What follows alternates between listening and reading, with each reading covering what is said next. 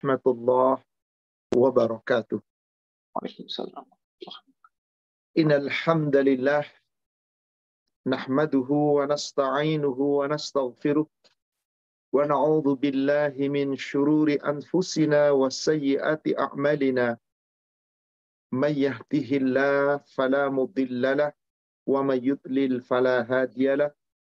Asyhadu an la ilaha illallah wahdahu la syarika lahu وأن محمدا عبده ورسوله لا نبي بعده. اللهم صل وسلم وبارك على محمد وعلى آله وأصحابه أجمعين. ومن تبعهم بإحسان إلى يوم الدين أما بعد. يا أيها الذين آمنوا اتقوا الله حق تقاته ولا تموتن إلا وأنتم مسلمون. يا أيها الذين آمنوا اتقوا الله وقولوا قولا سديدا. يصلح لكم أعمالكم ويغفر لكم ذنوبكم. ومن يطع الله ورسوله فقد فاز فوزا عظيما. معاشر المسلمين والمسلمات رحمني ورحمكم الله. Bapak Ibu Jamaah Majlis Taklim Rumah Dakwah UK yang semoga dirahmati Allah. Dan para peserta kajian kita via Zoom dari mana pun berada yang ikut bergabung pada kesempatan malam hari ini di Indonesia Barat dan siang hari di UK dan Eropa dan sekitarnya. Alhamdulillah kita panjatkan segala puji dan syukur kita kehadirat Allah Rabbul Alamin atas limpahan nikmat, rahmat dan barokahnya kita masih diberi kesempatan untuk mengarungi kehidupan di dunia yang fana ini. Suatu ketika kita pasti akan diambil oleh Allah dan kelak kita akan dibangkitkan kembali di padang mahsyar. Semoga Allah menaungi kita dengan petunjuknya, kita tetap istiqomah di atas iman dan takwa. Dengan rahmat dan barokahnya, kita mampu beramal ibadah dengan sebaik-baiknya yang Allah terima, yang Allah kabulkan nanti dan Allah ridhoi. Dan semoga kelak Allah wafatkan kita dalam keadaan husnul khatimah. Salawat serta salam semoga terlimpahkan tercurahkan kepada Nabi kita Rasulullah Muhammad Sallallahu Alaihi Wasallam. Semoga tercurah kepada seluruh keluarga, sahabat, dan seluruh pengikutnya hingga yomil akhir. Saudaraku seiman, yang semoga dirahmati Allah, pada malam ini kita akan mentadaburi surat At-Takwir. Kita akan mencoba menjelaskan tafsir daripada surat At-Takwir, yakni surat ke-81 yang terdiri dari 29 ayat.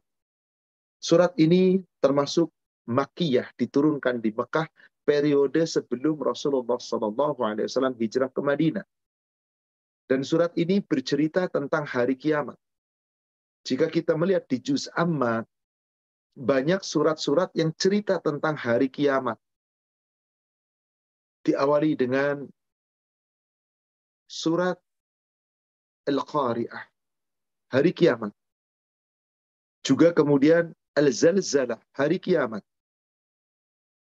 Kemudian juga surat Al-Insyiqaq, hari kiamat. Kemudian Al-Infitar. Kemudian surat yang kita akan pelajari sekarang. Al-Insyiqaq, Al-Finfitar. Semua itu bercerita tentang hari kiamat.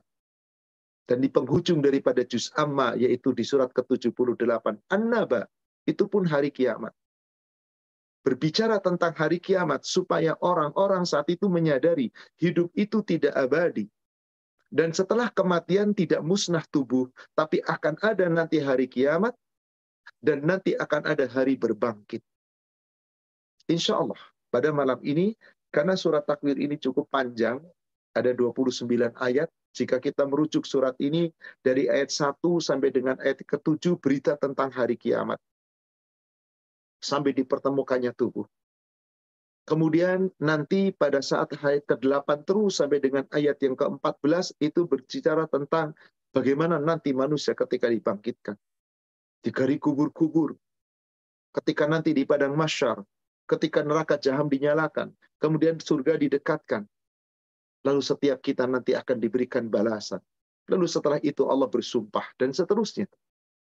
Baru kemudian ditetapkan tentang Al-Quran, apa itu isinya, dan apa itu maksud Allah turunkan Al-Quran. Maka ada empat yang disebutkan secara digolongkan. Pertama, berita tentang hari kiamat. Kedua, berita bahwasanya akan ada hari berbangkit. dibangkitkan dari kubur. Setelah itu kemudian berita tentang sumpah Allah. Tentang Al-Quran. Baru diceritakan tentang Al-Quran. Innahu rasulin karim. Dan seterusnya. Insya Allah hari ini kita akan mencoba uraikan dulu tentang berita hari kiamat.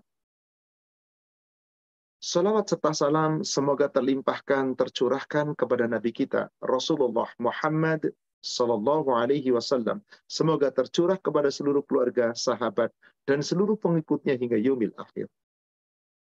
Salah satu daripada asbabun nuzul, sebab turunnya ayat ini, yaitu surat At-Takwir. Maka ada sebuah hadis yang diriwayatkan oleh Imam Ahmad, juga diriwayatkan oleh Imam At-Tirmidzi, dan juga diriwayatkan oleh Imam Al-Baihaqi. Di sini diceritakan dari Abdullah bin Umar. Rasulullah Shallallahu Alaihi Wasallam telah bersabda, "Man sarrahu ayyanzura ila yaumil qiyamah." Barang siapa yang ingin melihat tentang hari kiamat, ka'annahu ra'yu ainin falyaqra. Seakan-akan hari kiamat itu ada di hadapan matanya, maka hendaklah dia membaca. Idza syamsu kuwirat surat At-Takwir ini dia surat ke-81 wa idza sama unfatarat surat Al-Infitar yaitu surat berikutnya surat 82 dan idza sama unsyaqqat surat Al-Insyiqaq yakni surat ke-84 setelah dilalui dengan surat Al-Mutaffifin. Karena di surat-surat ini menceritakan bagaimana dahsyatnya kiamat. Jika kita merenungkan, jika kita meresapi, ayat-ayat ini seakan-akan tergambar hari kiamat di hadapan kita. Seakan-akan tergambar hari kiamat ada di depan mata kita. Maka seorang hamba yang membaca ayat ini, kemudian mempelajari tafsirnya, Bukan hanya sekedar terjemahan, tapi dicari tafsirnya dari ayat-ayat ini. Kemudian tafsir bil ayat dengan ayat-ayat yang lain, dengan surat-surat yang lain. Tafsir bil hikmah, tafsir dengan hadis-hadis yang disampaikan Rasul. Maka sungguh akan bergetar hatinya. Karena memahami apa yang terkandung di dalam ayat-ayat ini. Inilah yang akan kita pelajari saudara sekalian. Mari kita sama-sama akan membuka ayat ini dari ayat 1 sampai dengan ayat yang ketujuh. A'udzu billahi minasyaitonir rajim. Bismillahirrahmanirrahim. Idza syamsu kuwirat وإذا النجوم كدرت وإذا الجبال سيرت وإذا العشار عطلت وإذا الوحوش حشرت وإذا البحار سجرت وإذا الموءودة سئلت biharu sujirat wa idzan nufusu zuwijat. Afan sampai sini sampai ayat ketujuh dulu. Mari kita akan telaah satu persatu dari ayat yang Allah firmankan ini. Ayat pertama aku berlindung kepada Allah dari keadaan setan yang terkutuk dengan menyebut nama Allah yang maha pengasih lagi maha penyayang. Idza syamsu kuwirat apabila matahari digulung. Kata-kata matahari digulung, apakah yang dimaksud matahari digulung? Ali bin Abi Talhah berkata dari Abdullah bin Abbas, semoga Allah meridhoinya, tentang firmannya, Ida syamsu kuwirat, apabila matahari digulung, yakni matahari dihilangkan cahayanya. Matahari menjadi gelap gulita. Al-Aufi berkata, yakni yang dimaksud dengan matahari digulung, sebagaimana yang dikatakan oleh Qatadah adalah, matahari cahayanya telah lenyap. Kemudian sahabat yang lain Said bin Jubair berkata, yang dimaksud matahari digulung adalah ketika matahari dibenamkan. Abu Salih berkata, yakni ketika matahari dilemparkan. Lafaz takwir menggulung, yakni mengumpulkan sesuatu, sehingga bagian sesuatu darinya akan saling bertumpuk. Maka kata at-takwir ini sebetulnya maknanya adalah secara bahasa digulung. Sebagaimana seorang Arab mengatakan takwiru imam, menggulung sorban. Tadinya lembaran, kemudian digulung, menjadi bertumpuk.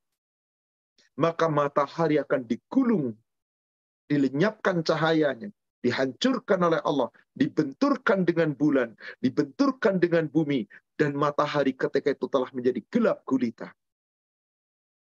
Ini peristiwa yang sangat dahsyat.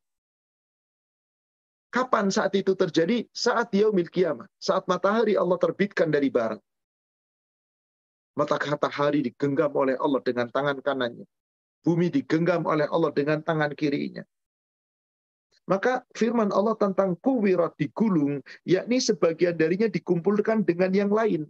Kemudian dilipat, lalu dilemparkan maka apabila itu terjadi dan hanya Allah yang mampu mengerjakannya,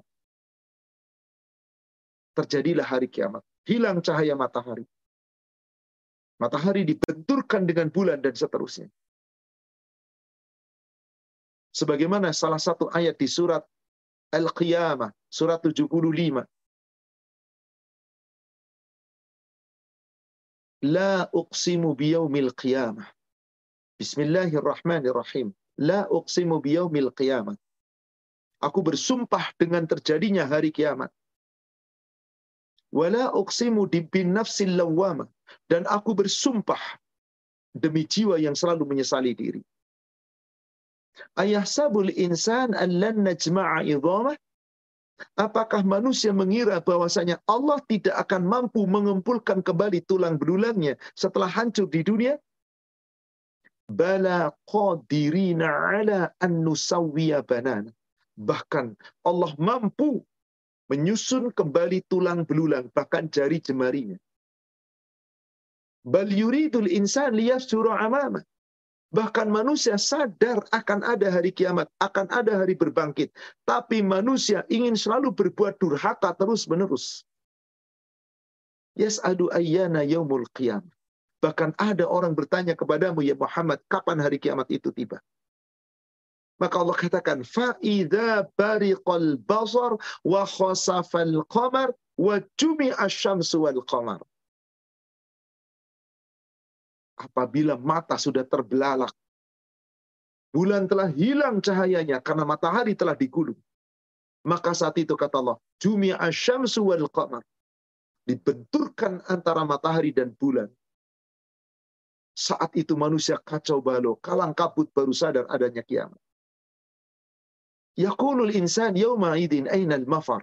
Maka manusia berkata pada hari itu, ke mana tempat kita berlari? Tempat bersama bersembunyi, ke mana kita berlari dari kejadian ini? Kallala wazar. Ila rabbika yawma idinil mustaqlab. Sekali-kali tidak, tidak ada tempat berlari. Kecuali kepada Rabbmu, kalian semua akan dikumpulkan di padang masyar.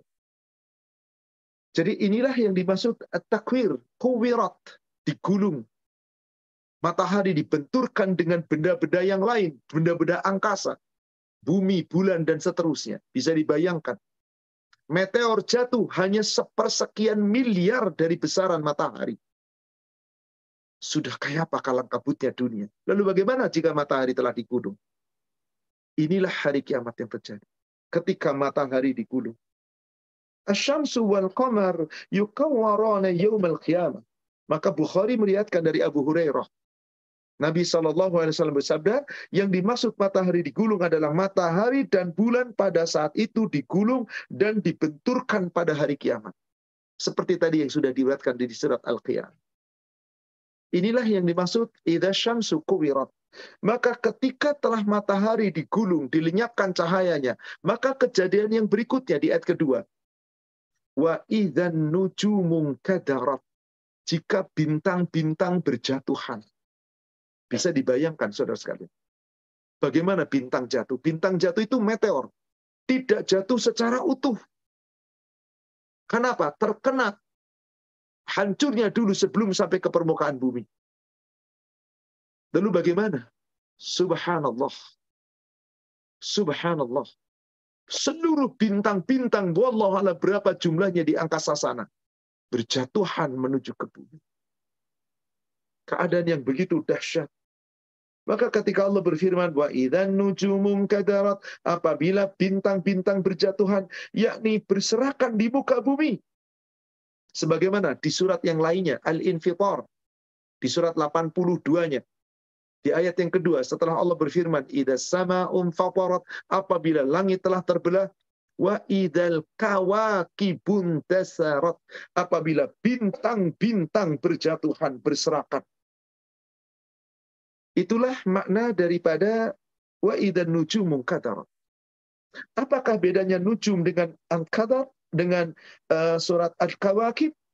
Al-insibab, yaitu bintang-bintang yang Allah jatuhkan dengan dicurahkan bersama-sama. Nujum adalah jamak daripada najm, bintang. Nujumun bintang-bintang. Tapi ketika sudah dicurahkan kawakibun maka seluruh bintang tidak ada lagi yang di angkasa. Semua berjatuhan, dicurahkan, bukan jatuh satu persatu, tapi jatuh bersamaan. Apa yang terjadi saudara sekali? Inilah yang dimaksud wa idan nujumun katarat ketika bintang-bintang berjatuhan. Makna asal mak daripada inkidar adalah insibab. Di sini dikatakan bahwasanya hadarat binatang eh, bintang-bintang itu berjatuhan. Itu berjatuhannya bukan satu persatu, tapi berjatuhan secara bersama-sama, seperti tercurah fatahah dibuka langit lalu dicurahkan. Bersamaan. Kalau Anda mengalami hujan setempat, ada lagi hujan di tempat lain, deras, mungkin tidak terlalu bingung. Gimana kalau seluruh wilayah dicurahkan hujan? Baru-baru ini, di salah satu negara di RRC, dengan curahan hujan yang hanya beberapa hari, itu pun tidak selama itu. Terjadi banjir bandang di mana-mana. Kota tenggelam dan seterusnya.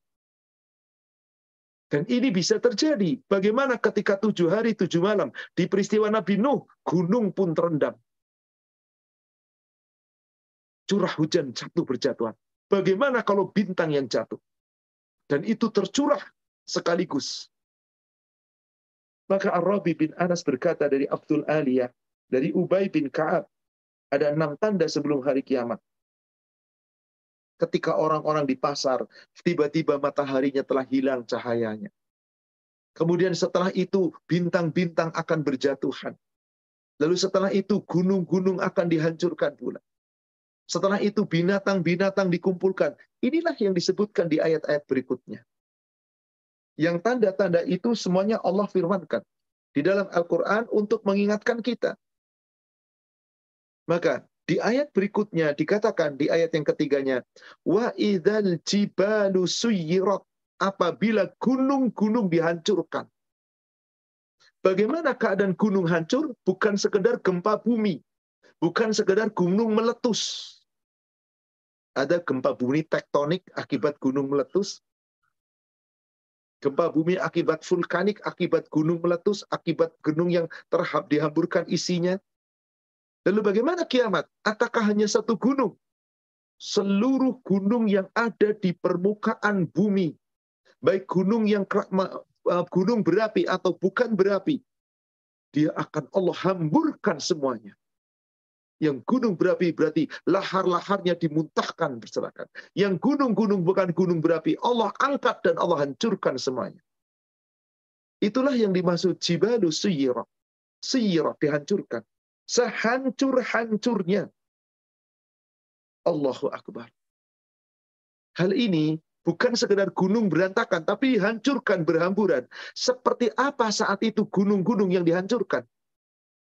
Jika Bapak Ibu lihat ada pohon kapas, setelah kapas itu tua di pohon, nggak pernah dipetik, lalu jatuh berhamburan, pecah bungkusannya, pecah apa namanya, selongsongannya, maka kapas itu akan terjadi bagaimana? berhamburan di udara. Seperti itu Allah gambarkan gunung. Sebagaimana yang Allah firmankan di surat yang lain. Surat pertama tentang kiamat di juz amma. Kalau kita mundur dari ayat yang paling pendek, yang paling akhir. Yaitu surat 101. Bagaimana Allah berfirman di situ tentang surat itu? Al-Qari'ah, hari kiamat. Al-Qari'ah, hari kiamat. Mal-Qari'ah. Apakah hari kiamat itu? Wa ma adraka mal qari'ah dan tahukah kamu apa itu hari kiamat? Yauma yakunun nasu kal farashil mabthus. Pada hari itu manusia seperti anai-anai, laron atau apa, kupu-kupu kecil yang bertebaran di malam hari, yang bingung mencari sesuatu. Arahnya tidak tentu, ke sana kemari dan seterusnya. Watakunul jiban kal'ihnil manfush ketika gunung-gunung itu dibengkakkan, dihampurkan, yang Allah katakan di sini, wa idal jibalu suyirat. Gunung hancurnya gunung itu betul-betul sehancur-hancurnya lalu diterbangkan oleh Allah bahkan seperti kapas ditiup angin. Anda bisa perhatikan, Anda bisa bayangkan.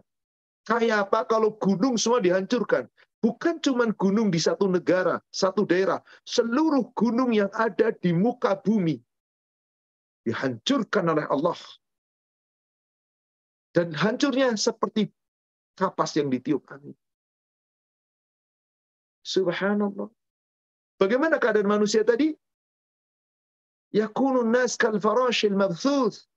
Manusia saling bertebangan seperti laron. Coba lihat laron atau kupu-kupu aneh-aneh di malam hari ketika terbang. Tentu arah atau tidak? Yang ke sana, ke sana. Saking bungungnya, saking dahsyatnya hari kiamat itu. Hari kiamat gaib. Kita tidak tahu kapan terjadi. Dan itu salah satu yang dirahasiakan Allah. Tapi ini pasti terjadi, saudara sekalian. Dan di dalam Al-Quran Allah sudah ceritakan. Allah sudah ceritakan. Maka ini semua Allah ceritakan kepada kita agar kita sadar bahwa kita hidup di dunia itu nggak ada apa-apanya. Saya ingat di saat awal-awal COVID, ada seorang miliarder, triliuner dari Portugal, saya lupa namanya.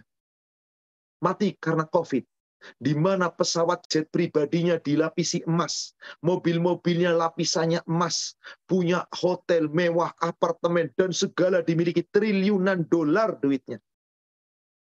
Saat mati, ada postingan dari anak perempuannya. Ini yang menarik ketika itu. Postingan anak perempuannya tidak mengatakan peninggalan harta kekayaan, tidak. Cuma satu postingan pendek. Kami adalah keluarga kaya raya. Kami tidak pernah kekurangan harta. Semua fasilitas ada. Ayah kami orang yang paling kaya raya di negeri itu. Segala-galanya dimiliki. Tapi apa yang terjadi ketika ayah kami dalam kematiannya? Dia hanya sibuk untuk mencari sesuatu yang gratis, yang tidak perlu dicari dengan uang.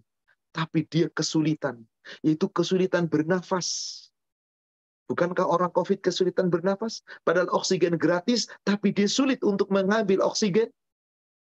Lalu dia mati dalam kesendirian. Dan semua hartanya tidak dibawa sedikit pun. Manusia tahu ada kiamat kubur, sugro, kematian. Apalagi membaca ayat Al-Quran, hadis, kiamat kubro. Tapi entah kenapa, manusia tidak menyadari akan kesalahannya. Entah kenapa manusia tidak menyadari bahwasanya akan terjadi. Bahkan manusia terkadang sombong dengan apa yang dimilikinya. Maka pada suatu ketika Rasulullah SAW didatangi oleh orang-orang ahli kitab dari kalangan Yahudi, Nasara. Mereka meyakini adanya hari kiamat. Mereka meyakini adanya hari berbangkit. Diceritakan dalam hadis riwayatkan Imam oleh Imam Muslim dari Abdullah bin Mas'ud seorang pendeta yang alim dari orang-orang yang Nasrani dan rahib-rahib Yahudi yang alim datang menemui Rasul. Lalu dia, mereka berkata, Ja'a khabrun ila Nabi sallallahu alaihi wasallam faqal Ketika pendeta itu datang menemui Rasul, rahib-rahib orang Yahudi datang menemui Rasul dan mereka orang-orang alim membaca kitab. Lalu bertanya kepada Rasulullah, menyampaikan kepada Rasulullah, "Ya Muhammad, Hai Muhammad, Mereka menyebut nama karena mereka tidak meyakini bahwasanya Nabi adalah Rasul. Kadang membaca dengan dia Abul Qasim. Hai bapaknya Qasim. Hai bapaknya para pembagi. Kunyah Nabi Sallallahu Alaihi Wasallam. Maka mereka mengatakan, Inna Allah Ta'ala, sesungguhnya Allah Ta'ala, yumsikus samawat wa yawmal qiyamah ala isba'i, wala ardina ala isba' wal jibal wal syajara ala isba' wal ma' wal thara ala isba' wasair al khalqi ala isba' Allah menggenggam langit satu dengan satu jari. Allah menggenggam matahari dengan satu jari. Allah menggenggam bumi dengan satu jari. Allah menggenggam semua gunung-gunung dan pohon yang ada di bumi satu jari. Dan Allah menggenggam seluruh makhluk yang ada di muka bumi dengan satu jari. Lima jari Allah menggenggam semuanya. Maka apa yang terjadi setelah itu? Summa yuhuzuhunna fayaqul anal malik, anal malik. Kemudian semua digerakkan, kemudian semua digerakkan. Digulung oleh Allah, dipersatukan oleh Allah. Maka saat itu Allah berfirman, Akulah Raja, akulah Raja, akulah Raja. Fatuhika Rasulullah Sallallahu Alaihi. Maka Rasulullah mendengar kata-kata pendeta dan rahib Yahudi ini tertawa. Betul apa yang kalian katakan. Betul ta'ajjuba mimma qala. Rasulullah takjub dengan apa yang dikatakan. Betul apa yang dikatakan. Mereka tahu. Tapi apa yang terjadi? Subhanallah. Pada saat itu mereka tidak mempercayai. Cuman meyakini betul akan ada kiamat, tapi tidak mempercayai hari kiamat. Maka Rasul membacakan surat Az-Zumar, surat 39 ayat 67. Allah Subhanahu wa taala berfirman, "Wa ma qadri." Mereka tidak mengagungkan Allah sebagaimana mestinya harusnya mengagungkan Allah. Wal ardu jami'an. Sedangkan seluruh bumi digenggam oleh Allah pada hari kiamat, yaumul kiamat. Was samawat watwiyatum biyaminih Langit pun digenggam oleh Allah. Seluruhnya berada dalam genggamannya. Langit pun digulung dengan tangan kanannya. Subhanahu wa ta'ala amma yushrikun. Maha suci Allah yang maha tinggi dari apa yang mereka sekutukan. Jadi mereka tahu ada hari kiamat. Akan diguncangkan. Bahkan Allah berfirman, Anal Malik, Anal Malik, akulah Raja, akulah Raja. Tapi mereka tidak meyakini itu. Maka di dalam hadis yang lain, yang diriwayatkan oleh Imam Muslim dan Imam Bukhari dari Abu Hurairah. Semoga Allah meridhoinya. Karena Rasulullah sallallahu alaihi wasallam yaqul bahwasanya Rasulullah sallallahu alaihi wasallam telah bersabda, "Yaqbitullahu tabaraka wa ta'ala arda yaumal qiyamah." Allah akan genggam bumi pada hari kiamat. Wa yutbis sama biyaminihim. Lalu Allah genggam pula langit berada di tangan kanannya digenggam bumi lalu digulung langit dengan tangan kanannya.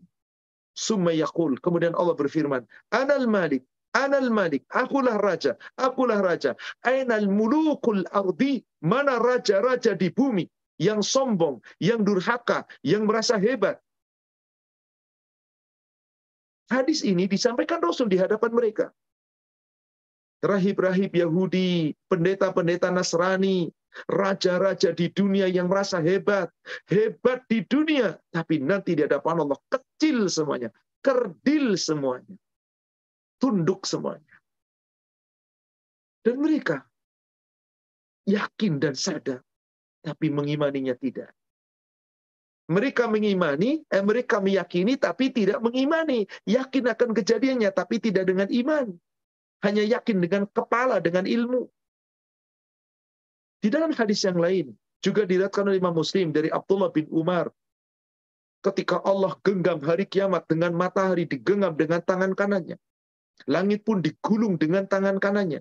Lalu bumi dan seisinya digenggam dengan tangan kirinya. Lalu Allah benturkan semuanya itu.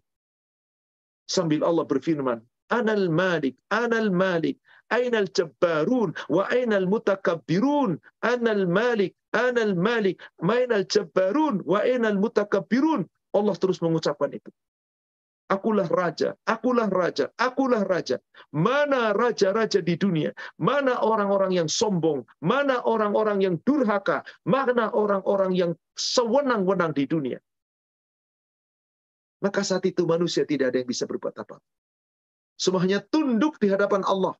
Berlutut di hadapan Allah. Meskipun dulu di dunia tidak pernah berlutut. Tapi nyuruh orang berlutut di hadapannya. Karena punya kebanggaan kedudukan. Tapi apa di hadapan Allah? Kecil. Tidak ada pengaruh sedikit pun. Kecil, hina mereka itu di hadapan Rob. Dan ini pasti terjadi, saudara sekalian. Kapan? Saat hari kiamat. Yakinlah. Meskipun manusia tidak menyakali, meskipun manusia kadang-kadang menyangkal, meskipun manusia tidak meyakini dengan keyakinan sebenar-benarnya, maka siapa pun manusia yang merasa hebat di dunia, manusia yang merasa gagah di dunia, manusia yang berkuasa di dunia, saatnya nanti dibangkitkan di padang masyar, tunduk berlutut di hadapan Allah. Ketika mereka menerima catatannya masing-masing. Itu terjadi setelah kiamat. Adakah yang bisa berkuasa saat itu? Tidak. Ketika Allah katakan, Aina ana malik, ana malik, aina al-jabbarun, aina al-mulukul ard. Di mana raja-raja yang sombong di dunia? Mana orang-orang yang sewenang-wenang? Mana orang-orang yang suka menindas? Di dunia sekali lagi mereka nggak pernah tunduk dengan aturan. Tapi Allah paksa mereka tunduk berlutut di hadapan Allah. Di surat Al-Jathiyah, surat 45, ayat ke-28. Sesuai dengan namanya. Surat 45 itu diambil dari ayat ke-28. Al-Jathiyah. Apa itu maknanya jathiyah? Berlutut. Manusia di dunia nggak pernah berlutut boleh jadi. Nggak pernah tunduk. Apa yang terjadi nanti di padang masyar. Watara kulla ummatin jasiyah. Kalian semua nanti akan melihat pada hari itu setiap umat manusia berlutut. Kullu ummatin tud'a kitabiha. Setiap umat manusia dipanggil Allah, diseru oleh Allah untuk menerima kitab catatannya. Al-yawma tujzauna ma kuntum ta'malun. Pada hari ini sungguh kami akan membalas semua yang kamu perbuat. Adakah yang luput? Tidak. Saudara sekalian, ayat-ayat ini sungguh menggetarkan hati kita. Ayat-ayat ini sungguh seharusnya menjadi kita takut. Ayat-ayat ini harusnya kita lebih mawas diri. Kenapa? Karena ini pasti akan terjadi. Dimulai dari tadi idza syamsu kuwirat matahari diguru. Wa idzan nujumun kadarat ketika bintang-bintang dijatuhkan dengan dicurahkan sekeseluruhan. Wa idzal jibalu suyirat gunung-gunung dihancurkan. Hancurnya bukan sekedar hancur seperti itu, tetapi subhanallah dihancurkan dengan sehancur-hancurnya yang diibaratkan tadi seperti kapas berterbangan di tiup angin. Kemudian kita masuk surat At-Takwir ayat yang keempat. Di saat kejadian kiamat itu apa yang terjadi? Tiba-tiba Allah berfirman di ayat keempatnya, wa dan ketika unta-unta bunting ditinggalkan, tidak diperdulikan, tidak diurus. Ini menarik saudara sekalian. Ini menarik. Ketika Nabi Shallallahu Alaihi Wasallam perintahkan sahabat bersodakoh, bersodakohlah, bersodakohlah, jangan sampai terlambat. Nanti akan datang di masa ketika ada orang kaya ingin bersodakoh, tapi sodakohnya tidak diterima. Di akan saat itu akan diberikan orang-orang yang kaya, nggak peduli lagi dengan seluruh hartanya. Hari kiamat. Karena di hari kiamat saat itu orang akan kaya raya. Dan tidak peduli dengan sodakoh orang lain. Tapi saat terjadi hari kiamat, seluruh harta ditinggalkan. Ini cukup menarik di ayat 4 itu. Kenapa Allah sebutkannya isyaru utilat? Onta bunting ditinggalkan, tidak diurus.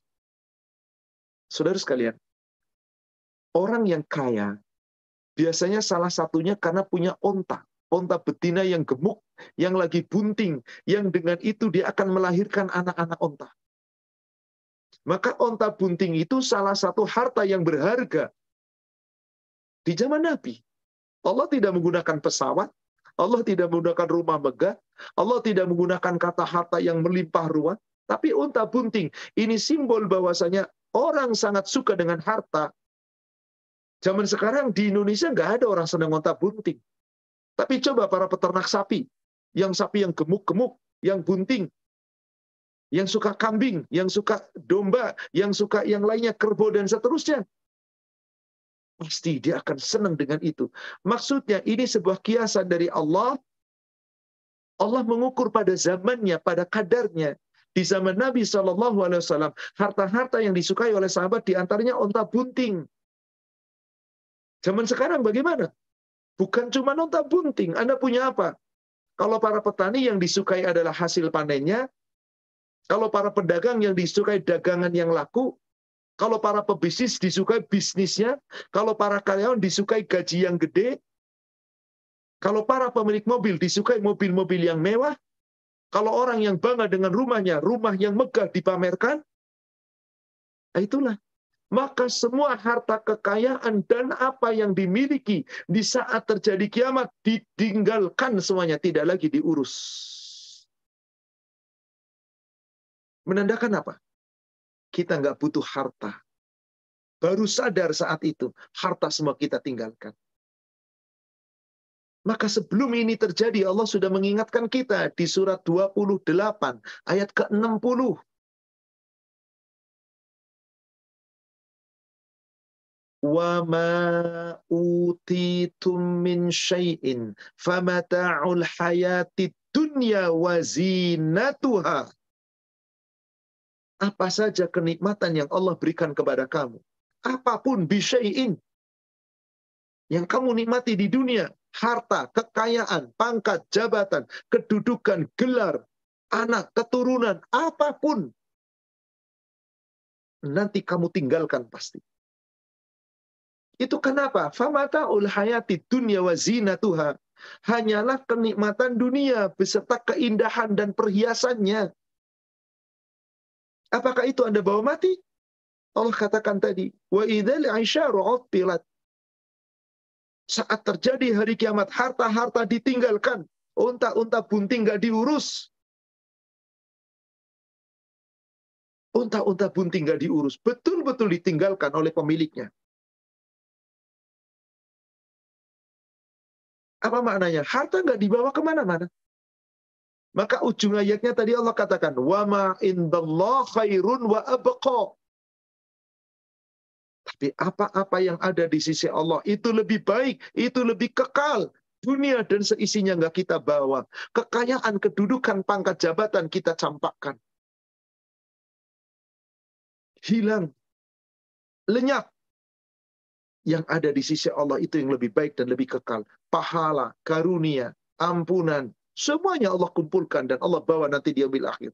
Bukan kita yang membawanya. Kita cuma beramal sebaik-baiknya di dunia. Dibawa oleh Allah nanti itu lebih kekal. Afala ta'qilun? Apa kamu tidak menggunakan akalmu? Kamu tidak mengerti, memahami kehidupan dunia hanya sementara? Harta nggak dibawa ke mana-mana? Kiamat kamu nggak akan bawa? Jangankan kiamat kubro nanti. Kiamat suhro. Anda mati, apa yang dibawa? Tidak demi Allah. Orang yang pontang-panting mencari dunia dengan cara apa pun, bahkan rela meninggalkan agamanya demi dunia, rela meninggalkan negaranya demi dunia, semua demi dunia, nggak dibawa. Demi Allah, nggak dibawa. Itu baru kiamat suhro, kematian. Bagaimana kiamat yang kubro? Di mana manusia melihat bagaimana dahsyatnya. Allahu Akbar. Inilah manusia. Ayat ini sudah Allah peringatkan. Ayat ini sudah Allah peringatkan. Allah sudah sampaikan. Tapi apakah manusia sadar? Boleh jadi sadar sesaat. Tapi tidak lagi sadar berikutnya. Boleh jadi mengerti sesaat. Tapi tidak coba dipahami seterusnya. Saudara sekalian, sungguh ini berita dari Allah yang sangat dahsyat. Rasul menggapai ayat-ayat ini seperti ini. Sahabat menanggapi ayat seperti ini luar biasa. Rasa takutnya mereka. Maka mereka ketika membaca ayat-ayat seperti ini, mereka bergetar. Mereka tunduk kepada Allah. Mereka sadar nggak ada apa-apanya dunia ini. Maka mereka lebih mementingkan apa? Akhiratnya. Bukan tidak boleh kita menguasai dunia, silahkan. Bukan tidak boleh kita sukses di dunia, nggak ada masalah. Tapi ingat, itu hanya sementara. Selama kesuksesan Anda, kekayaan Anda, Anda pakai sebagai modal sarana mendekatkan diri kepada Allah, sukses Anda insya Allah. Dunia akhirat semoga. Sebagaimana doa kita. Rabbana atina fit dunya hasanah wa fil akhirati hasanah wa qina benar. Dijauhkan dari neraka lalu menuju surga. Itu keinginan kita. Maka jangan jadikan dunia sandaran. Jangan jadikan dunia tujuan. Jangan jadikan dunia adalah segala-galanya. Dunia hanya titipan. Yang Allah katakan tadi, dunia kita itu cuma kehidupan sementara. Kalau sudah kiamat, stop, gak ada apa-apanya. Maka coba lihat Anda kiamat sugro yang menimpa kematian kepada seseorang ketika sakratul maut. Mungkin kita sudah ketakutan duluan. Lalu bagaimana menyaksikan kiamat kubro? Lalu bagaimana menyaksikan dahsyatnya nanti pada masyar? beratnya padang masyar, tapi itu semua akan terjadi setelah kiamat. Kiamat akan terjadi setelah kehidupan dunia. Setelah kematian, kiamat sugro dari masing-masing kita. Maka ayat ini sesungguhnya mengingatkan saudara sekalian. Harta nggak dibawa. Harta nggak ada nilainya. Maka Allah mengatakan, dunia itu bukan kehidupan Anda. Kalau toh Anda punya harta, kekayaan, pangkat jabatan, kedudukan, semua yang Allah sebutkan tadi di surat 28 ayat 60, itu cuma dinikmati sementara dan itu hanya senda guru dan permainan. Mana kehidupan kita sesungguhnya? Setelah kiamat, saudara sekalian. Coba kita lihat surat 29 ayat 64. Surat 29 ayat 64. Wa ma hadhil hayatud dunya illa lahu wa la'ib. Dan tidaklah kehidupan dunia yang kita rasakan sekarang ini. Melainkan hanya senda gurau dan permainan. Anda cuma main-main, ada senda gurau, menikmati harta kekayaan yang banyak. Wa inna daral akhirata lahiyal hayawan. Negeri akhirat itulah negeri yang sesungguhnya. Negeri akhirat itulah negeri yang sebenar-benarnya. Lau kanu. Sekiranya mereka mengetahui. Hidup kita di dunia cuma sesaat. Kiamat terjadi, sudah ditinggal. Anda belum mati saja. Ketika sakit, sudah ditinggalkan segala-galanya. Apa gunanya pangkat jabatan? Apa gunanya kedudukan? Apa gunanya harta? Anak keturunan? Orang yang kemudian terlena dengan dunia, menganggap dunia segalanya. Padahal Allah katakan, duniamu hanyalah permainan. Hidupmu sesungguhnya adalah akhirat. Tapi Anda terperdaya dengan dunia, apa yang terjadi? Allah beritakan di sebuah surat Al-Quran, surat Al-Haqqah, surat 69. Ini pun hari kiamat. Nama lain hari kiamat adalah Al-Haqqah. Bagaimana Allah ceritakan di surat ini? Ketika manusia telah dibangkitkan nanti, telah mati. Coba perhatikan dari ayat 27. Ya laitaha kanatil qadiyah. Aduhai, kiranya kematian itulah yang telah menyudahi segala-galanya. Ma'agna anni maliyah. Hartaku sama sekali tidak berguna lagi bagiku. Halaka anni sultaniyah. Kekuasaanku telah hilang lenyap dari siriku. Subhanallah. Apa yang kita bawa? Amal. Gimana kalau nggak punya amal?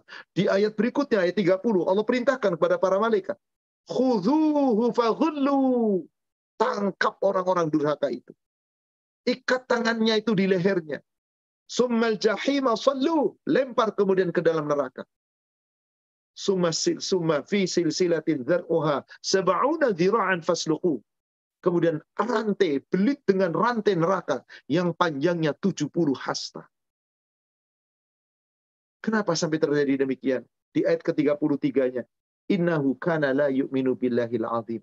Karena di dunia disuruh beriman, tapi tidak sesungguh-sungguhnya beriman kepada Allah yang Maha Agung. Saudara sekalian yang semoga dirahmati Allah. Bukankah ayat-ayat ini menggetarkan jiwa kita? Pantas Allah Subhanahu wa taala mengatakan hamba-hamba Allah yang benar-benar disayang Allah, hamba-hamba yang sesungguhnya-sungguhnya takwa adalah yang apabila disampaikan ayat-ayat Allah bergetar hatinya dan bertambah imannya. Wajilat kulubuhum wa idza tuliyat alaihim ayatu zadathum imana wa ala rabbihim yatawakkalun. Al-Anfal ayat yang kedua. Itu orang yang sebenar-benarnya iman pada Allah. Maka saudara sekalian, mari kita kembali meresapi ayat-ayat yang kita sedang bahas ini. Sudah sampai kepada ayat yang kelima tadi, ayat yang keempat tadi. Kemudian masuk ke ayat lima, surat Al-Insyiqaq, surat Al-Takwir tadi. Ayat yang kelima. Wa idal dan apabila binatang-binatang liar dikumpulkan. Apa maksudnya binatang liar dikumpulkan? Saudaraku seiman yang semoga dirahmati Allah binatang liar dikumpulkan maknanya adalah seluruh binatang saat itu ikut dicampur baurkan dengan manusia. Bukankah binatang liar itu ada binatang-binatang buas? Mungkin kalau binatang-binatang luar itu yang biasa, binatang liar, kuda liar, kemudian apa misalkan kelinci liar, uh, keledai liar, sapi liar, atau kerbau liar, itu mungkin kita nggak terlalu takut karena mereka tidak akan menerkam. Selama dikasih makanan sudah beres.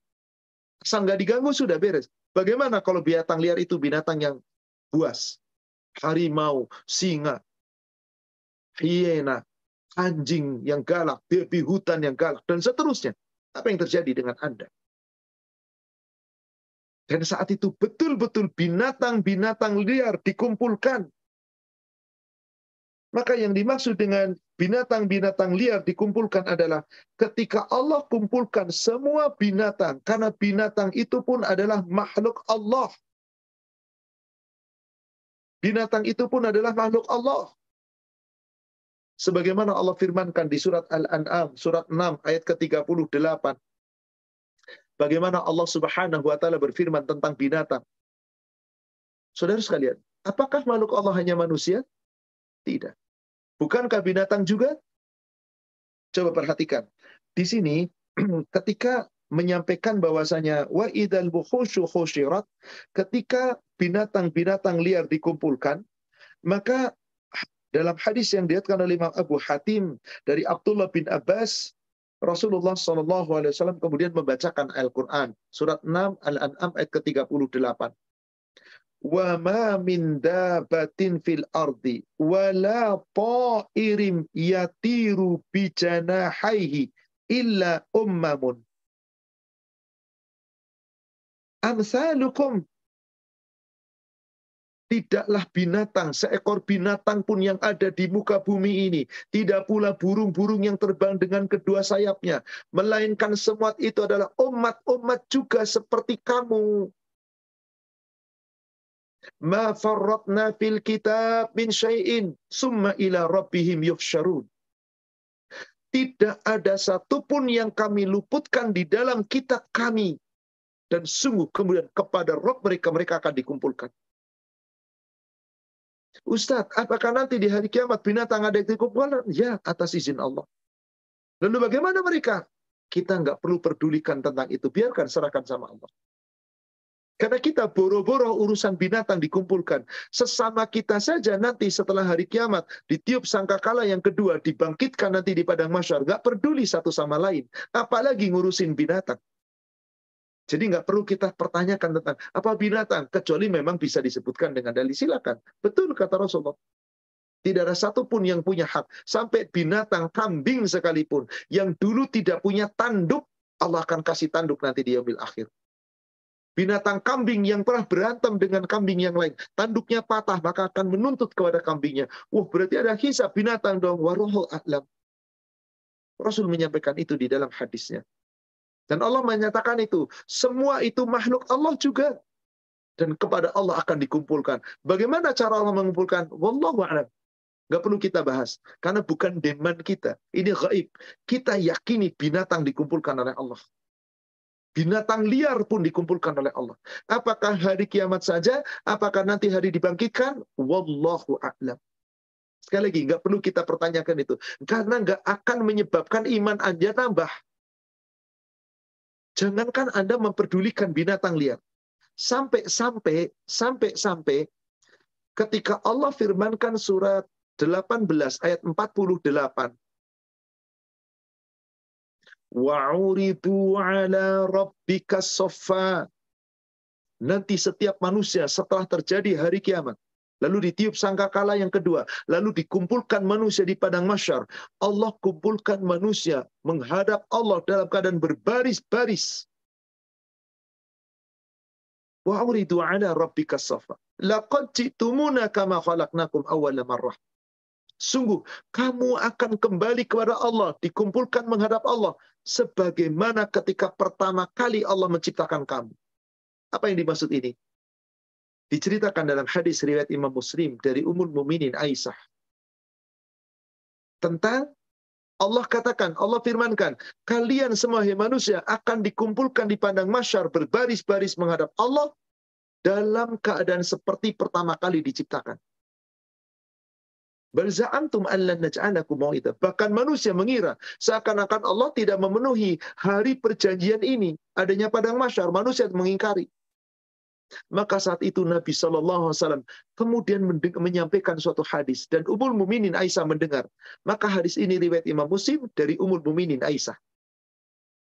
Rasulullah Shallallahu Alaihi Wasallam bersabda, yuhsyarun nas yaumal qiyamah khuratan khufatan uratan ghurlan kelak pada hari kiamat manusia akan dikumpulkan oleh Allah di padang masyar seperti bayi lagi bayi keadaannya bukan tubuhnya tubuhnya dewasa semua uratan dalam keadaan khufatan uratan khufatan tidak beralas kaki telanjang Hufatan, uratan, ghurlan. Belum dihitan, tidak dihitan. Nyeker, telanjang bulat, belum dihitan. Campur baur laki-laki wanita. Saat itu Umul Muminin bertanya, Kultu ya Rasulullah, an-nisa war-rijal jami'an yang duru ba'duhum ila ba'din saat mereka bercampur baur di padang masyar dalam keadaan telanjang bulat, apakah laki-laki wanita bercampur baur menjadi satu? Tidakkah mereka saling memandang aurat satu sama lain? Maaf. Mungkin kalau sudah di Eropa, banyak wanita berpakaian mini, bahkan telanjang, pakai bikini. Orang nggak peduli, nggak dilihat lagi. Coba kalau di negara kita, di Indonesia. Yang tidak pernah ada pakaian seperti itu ada perempuan lalu lalang, melotot semua laki-laki matanya. Bagaimana di padang masyar? Telanjang bulat. Adakah tidak saling memandang kata Ummul Mukminin? Apa jawab Rasulullah? Ya Aisyah, hai Aisyah, Al-mar'u idin asyad ayyang ba'duhu mila ba'din.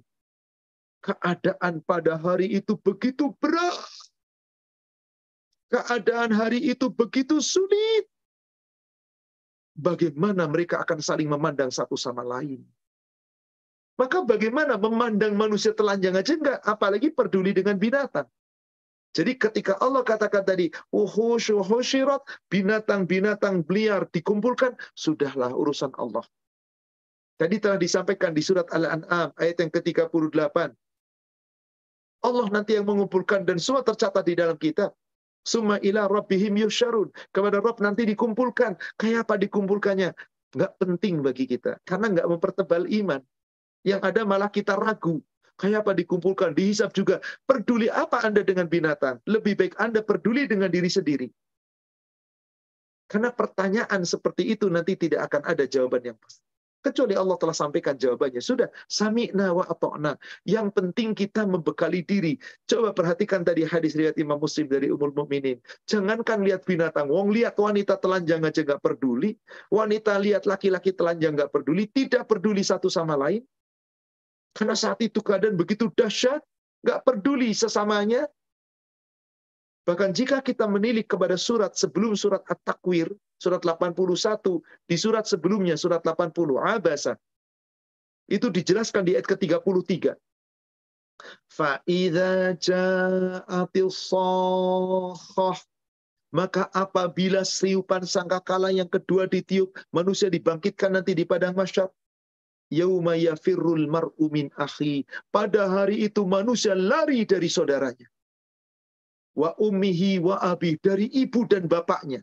Wa sahibatihi wa bani. Dari pasangannya. Suami lari dari isinya. Isi lari dari suaminya. Wa bani. Lari dari anak-anaknya. Kenapa?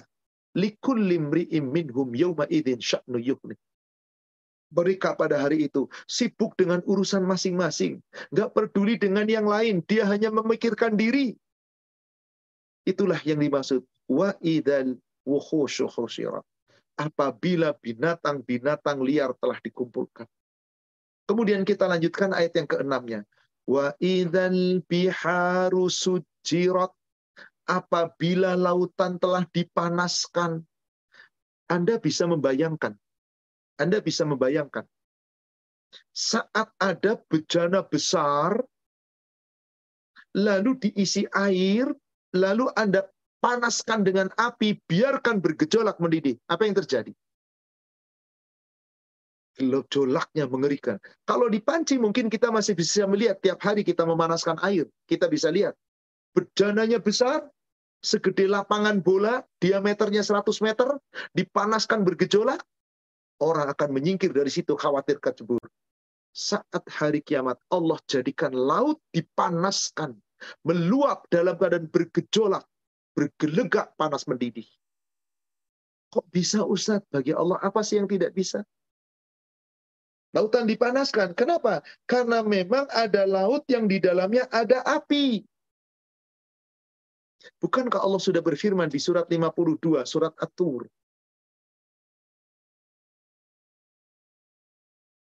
Ayatnya ayat yang keenam. Apa kata Allah? Wal bahril masjur. Dan laut yang di dalamnya ada api. Zaman Rasul. Apakah sahabat sudah lihat di lautan ada api? Ada gunung berapi? Ada api yang menyala, bergejolak? Enggak. Sekarang kelihatan dengan ilmu pengetahuan. Penyelam-menyelam di kedalaman sekian meter. Ada gunung-gunung berapi di dalam laut dan memuntahkan laharnya berapi tidak padam meskipun di dalam air. Allah sudah firmankan 1400 tahun lebih yang lalu. Sahabat yakin dengan ayat ini. Sayangnya kita nggak yakin. Maka saat laut dipanaskan, boleh jadi semua gunung-gunung yang ada di laut Allah hamburkan. Allah letuskan sehingga apinya bergejolak. Bagaimana kejadian Krakatau ketika meletus. Jangankan api di air diluapkan dengan cara dipanaskan. Ketika air meluap seperti tsunami, ratusan ribu jiwa melayang. Tempat-tempat indah yang pernah dibangun manusia hancur. Lalu bagaimana? Saat itu, bukan cuma di satu wilayah, seluruh samudra dan seisinya Allah panaskan lalu bergejolak. Maka kalau di sini lautan dipanaskan wa idal biharu sucirat. Lautan dipanaskan. Kalau kita melihat di ayat yang lain, di ayat surat Al-Infitor, surat berikutnya 82, wa idal biharu sucirat. Kalau di ayat At-Takwir, sucirat. Kalau di surat berikutnya Al-Infitor, fujirat. Apa bedanya? Kalau sucirat dipanaskan sehingga sampai meluap. Kalau fujirat diluapkan oleh Allah tanpa dipanaskan. Kedua-duanya maknanya sama. Apakah Allah panaskan dulu, apakah Allah tidak panaskan, bagi Allah mudah. Bayangkan saja tsunami, nggak ada panas sama sekali, tapi meluap yang tinggi gelombangnya bisa sampai puluhan meter. Apa yang terjadi dengan kita? Orang-orang yang tidak yakin dengan ini, malah apa yang terjadi di Eropa sana, membuat film-film tentang the day after, hari setelah kiamat. Lalu orang-orang membuat bunker, dalamnya sekian kilometer, dipersiapkan untuk dua tahun semuanya beres. Dibuatkan bangunan-bangunan yang kuat, tahan gempa, yang dengan kekuatan sampai 10 skala Richter. Kemudian dibuatkan suatu apa namanya, bangunan apa namanya, tempat-tempat seperti kapsul di lautan yang apabila kena tsunami terombang-ambing, dia tetap aman di dalamnya. Dikiranya seperti tsunami, di seperti gempa bumi, Bumi terbelah, belah sampai lapis ketujuh. Bagaimana dengan dibenturkannya matahari? Subhanallah. Inilah yang disebut wa idal biharu sucirat. Ketika laut telah dipanaskan.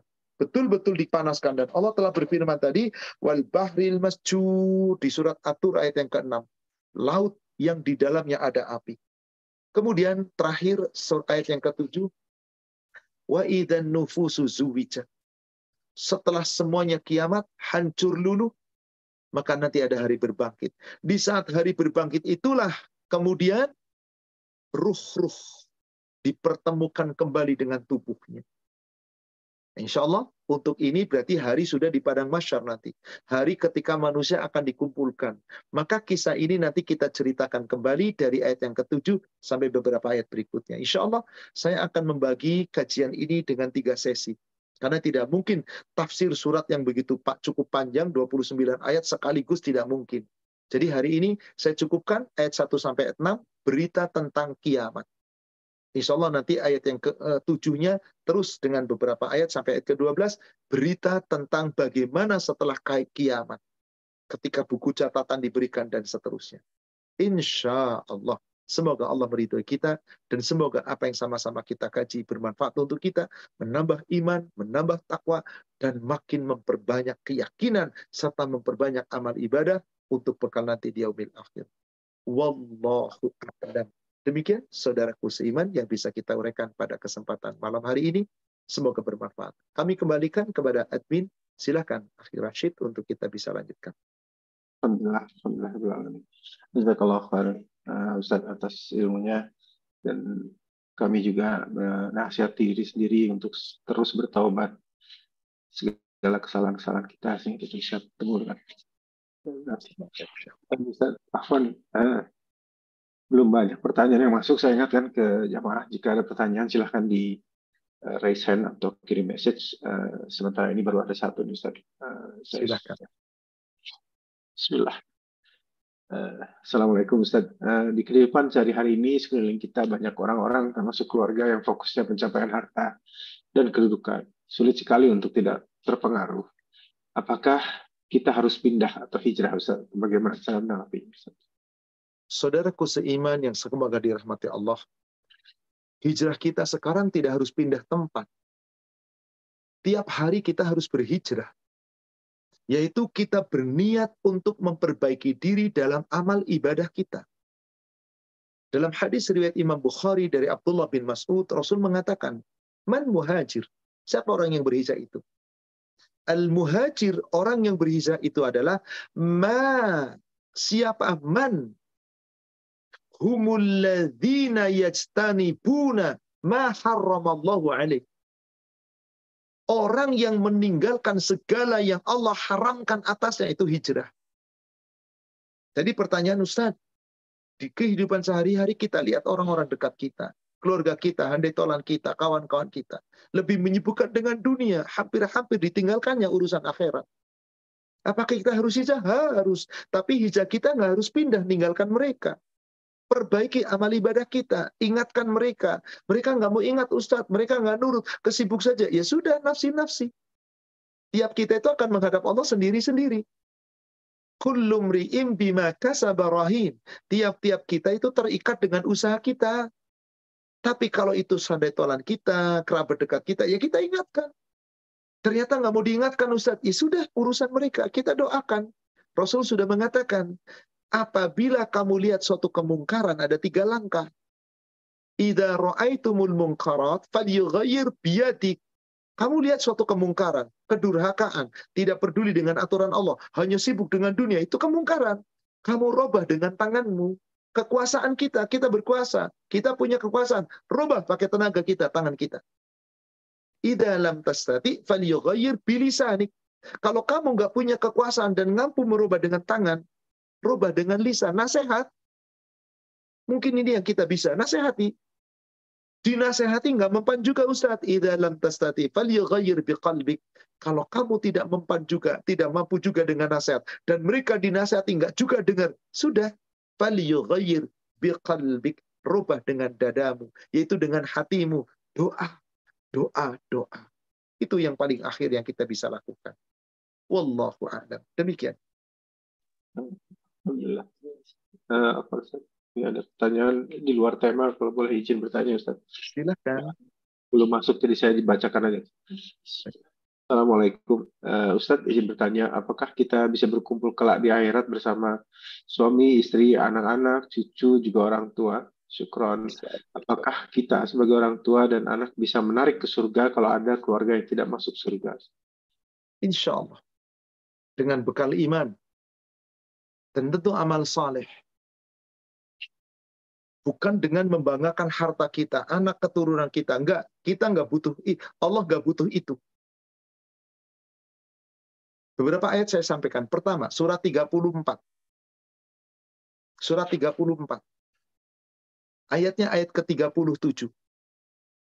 Wama amwalukum wala aulatukum billati tuqarribukum indana zulfa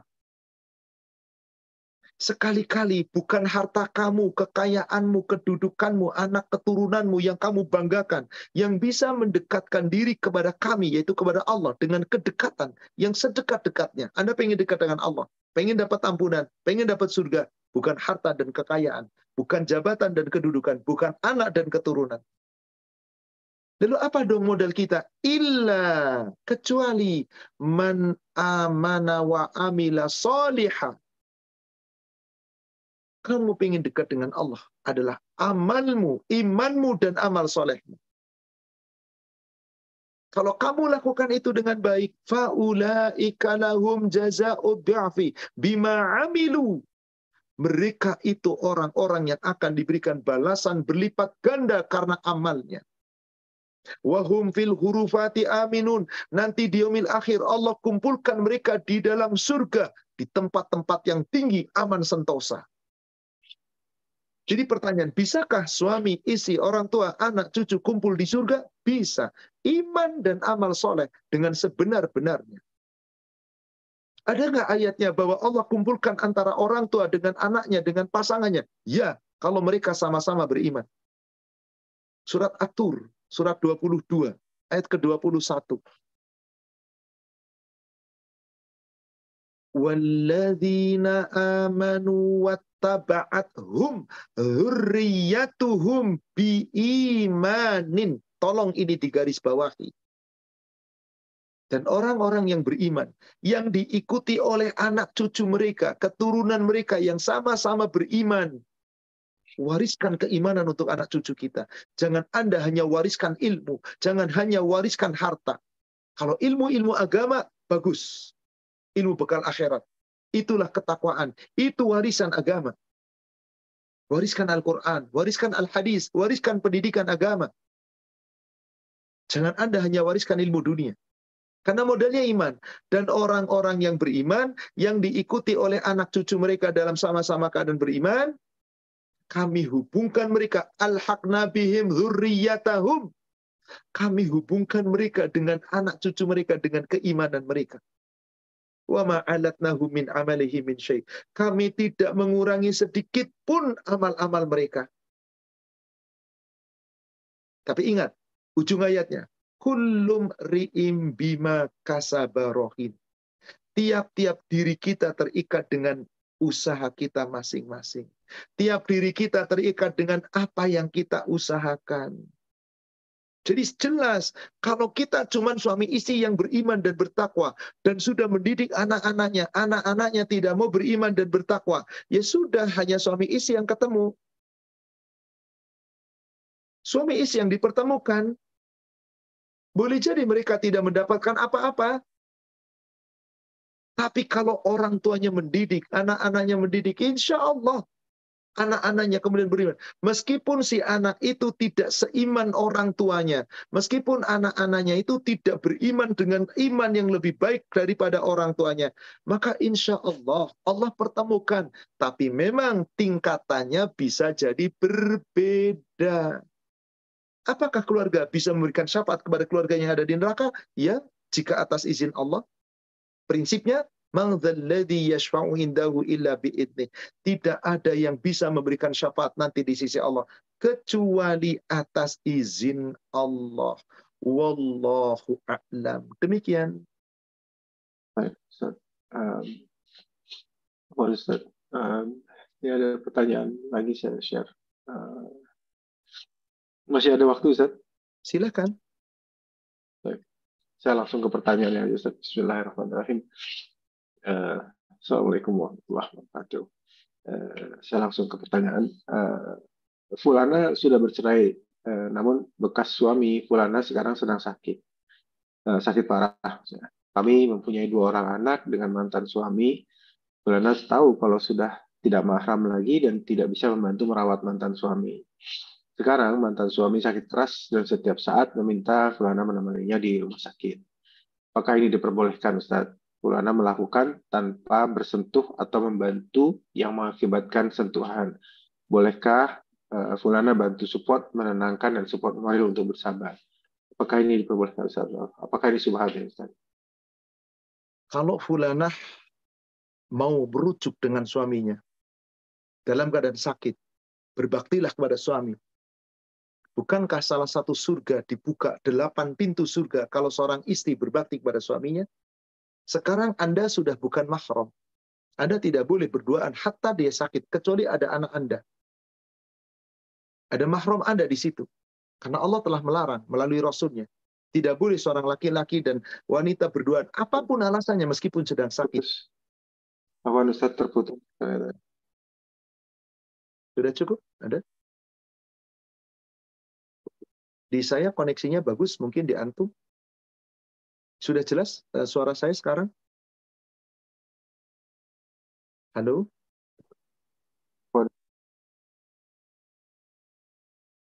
Suara antum yang terlihatnya ter Iya, barusan terputus-putus. Uh, sudah, sudah jelas sekarang? Iya, Susan. Kembali. Kalau fulanah tadi mau merujuk dengan suaminya, bilanglah, rujuk tinggal dengan saksi suamiku tolong rujuk aku agar aku menjadi istrimu kembali. Agar aku bisa merawatmu. Berarti Anda masih punya rasa cinta merawatnya. Kasihani dia sedang sakit keras. Manfaatkan sisa waktu itu untuk Anda berbakti kepada suami dengan sebaik-baiknya. Bukankah Rasulullah telah menjanjikan, Allah menjanjikan melalui Rasulnya. Hadisnya sahih. Riwayat Imam An-Nasai dan Tirmidzi. Bukankah salah satu seorang wanita ingin masuk surga dari delapan pintu surga dibuka dari pintu mana yang diinginkan. Salah satunya adalah bakti kepada suami. Karena Anda bukan lagi suami istri, berarti bukan mahram. Rasul melarang.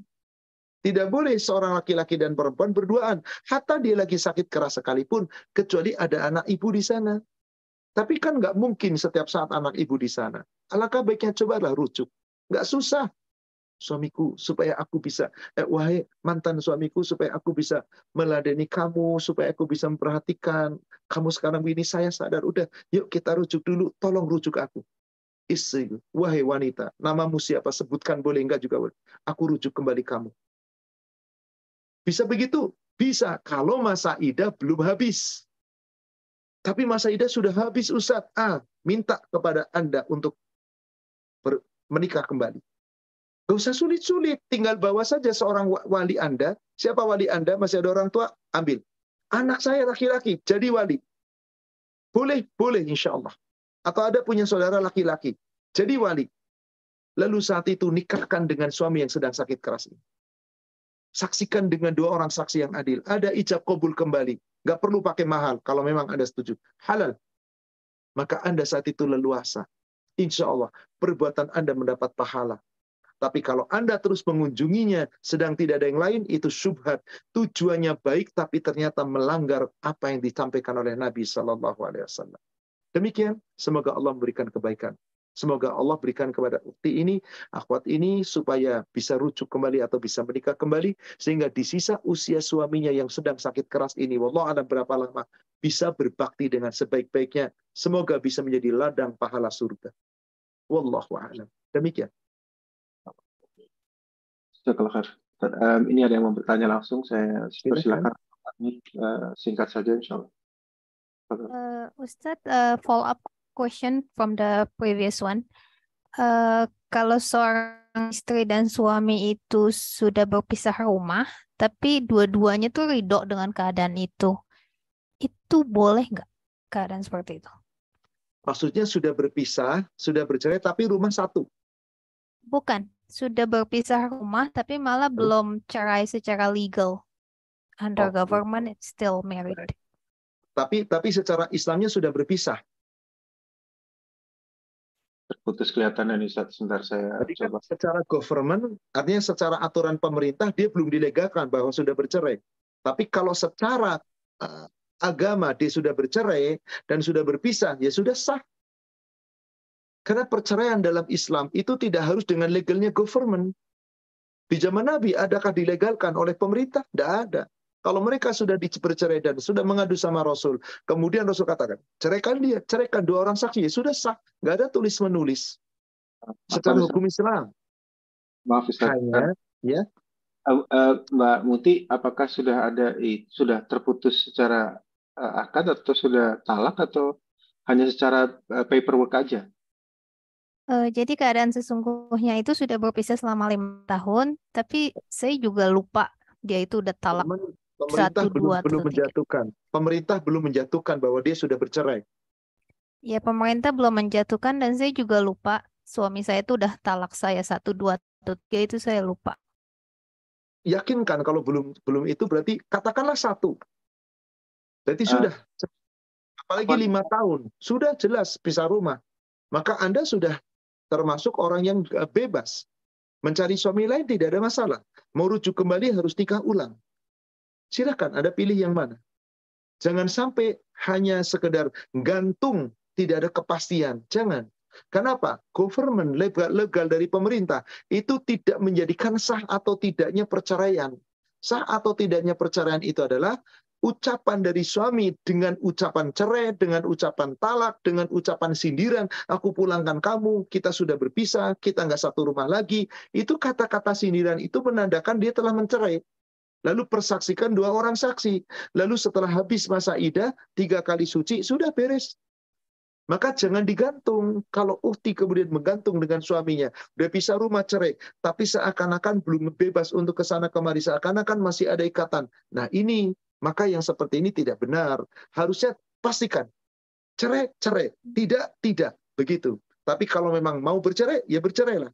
Adapun government belum menjadikan, belum menjatuhkan surat, itu urusan government. Gak ada masalah. Itu urusan pemerintah, gak ada masalah. Karena memang terkadang ada seperti itu. Di mana pemerintah belum memutuskan karena sidang bertele-tele, atau belum diajukan ke pengadilan, sehingga belum ada proses, dan seterusnya. Tapi di dalam aturan agama, ketika suami telah menceraikan kepada istrinya, maka dihitung masa iddahnya. Dua kali suci dari sejak pertama, suci kemudian haid, hitung suci kemudian haid, suci kembali sebelum haid, di situlah boleh rujuk. Kalau sudah lebih dari itu, harus menikah ulang. Demikian, wallahu a'lam. Dua pertanyaan lagi, akhi, boleh silahkan. Alhamdulillah. Em, ini ada pertanyaan masih di luar topik ini Ustaz. Eh, Bismillah. Assalamualaikum warahmatullahi wabarakatuh. Eh, bagaimana supaya bisa tetap istiqomah beribadah dan tetap bersabar dan ridho atas wafatnya anak kami Ustaz? Bagaimana amalannya Ustaz agar bisa bersama anak kami di surga nanti Ustaz? Syukran. Saudariku seiman, kalau anaknya itu anak yang masih kecil, insya Allah akan membawa orang tuanya ke surga. Bagaimana kalau anaknya sudah dewasa? Sepanjang anak itu beriman, seperti tadi yang disebutkan di surat 52 ayat 21. Sama-sama beriman dipertemukan di surga. Insya Allah. Doakan terus, doakan. Bagaimana supaya istiqomah dan sabar? Ibu, mau diratapi kayak apa? Mau diingat kayak apa? Nggak menyelesaikan masalah. Sudah. Yang sudah meninggal sudah lupakan. Bukan berarti melupakan total tidak. Ingat boleh, tapi jangan terus-terusan sedih, meratap. Ini kejadian bukan menimpa Anda. Bagaimana Rasul ditinggal ah putra-putrinya? Lahir seorang anak namanya Qasim wafat. Lahir pula anak laki-laki Abdullah wafat. Zainab punya cucu, cucunya wafat. Zainabnya wafat. Belum mantunya lebih dulu wafat. Kemudian anaknya Rasulullah yang bernama Ruqayyah menikah dengan Utsman bin Affan, wafat. Umi Kalsum, wafat. Tinggal semata wayang yang namanya Aisyah, eh, Fatimah. Rasul menikah lagi, lalu dengan Maria Kitia punya anak namanya Ibrahim, wafat. Di usia beliau kecil, usia 4 tahun, ibunya sudah wafat. Sebelum lahir, bapaknya sudah wafat. Orang-orang yang dicintainya satu persatu, istrinya wafat. Pernahkah Anda mengalami seperti ini? Saya yakin tidak. Maka pesan Rasul, hadis sahih riwayat Imam Bukhari, juga riwayat Imam Muslim dari sahabat Abu Hurairah. Jika kamu terkena suatu musibah, supaya kamu tidak menganggap remeh musibah, tidak menganggap berat musibah, atau kalau kamu mendapatkan sesuatu yang sedikit, agar tidak menganggap remeh yang sedikit. Rasul berpesan, Uzuru ala man huwa asfali minkum, wala tangzuru ala man fauqakum. Lihat orang yang keadaannya di bawah kamu. Kalau kamu dapat gaji cuma 10 juta, jangan ngeluh terus. Lihat ada yang cuma 5 juta. Anda punya gaji 5 juta, ada yang gajinya cuma 2 juta. Anda gajinya 2 juta, ada yang nggak punya gaji. Jadi ketika kita susah, lihat yang lebih susah. Anda kena musibah, kematian anak. Lihat orang yang lebih susah dari Anda. Boleh jadi sudah kematian berapa anak, kematian pasangan, kematian keluarga. Boleh jadi dengan musibah yang lain. Jangan lihat ke atas. Insya Allah Anda bisa istiqomah. Insya Allah Anda bisa bersabar. Doakan anak Anda. Semoga Anda dipertemukan dengan anak. Jika suaminya sudah meninggal, pasangan sudah meninggal, doakan pasangan, insya Allah.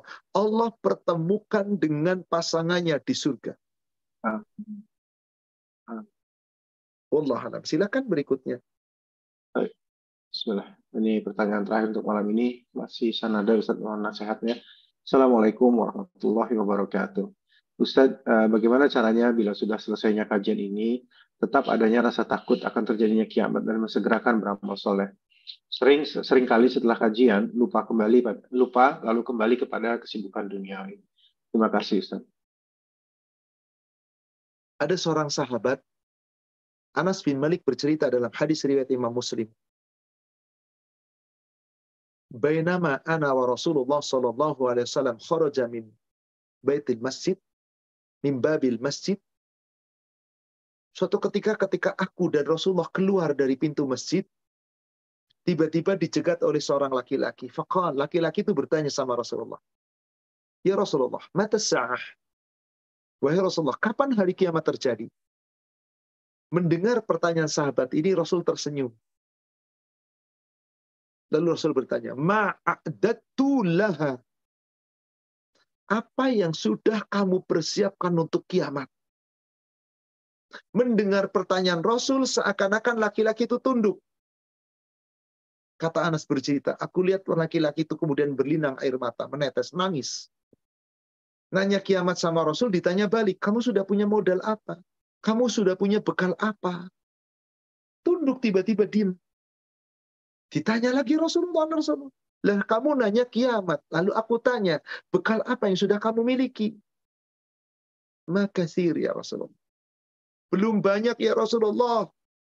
Baik itu bekal sodako saya, bekal sholat saya, bekal puasa sunnah saya, belum banyak. Tapi demi Allah, wallah, ini habballah wa rasul. Aku benar-benar mencintai Allah dan Rasul. Maka Rasul cuma menjawab satu kalimat pendek. Almar'u ma'aman ahab.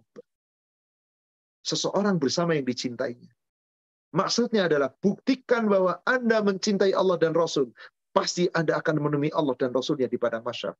Sampai nanti di hari kiamat. Eh, sampai nanti masuk ke dalam surga. Jadi bagaimana caranya kita bisa istiqomah? Betul, ketika kita dengar kajian subhanallah boleh jadi kita menangis. Tapi setelah kajian kita lupa.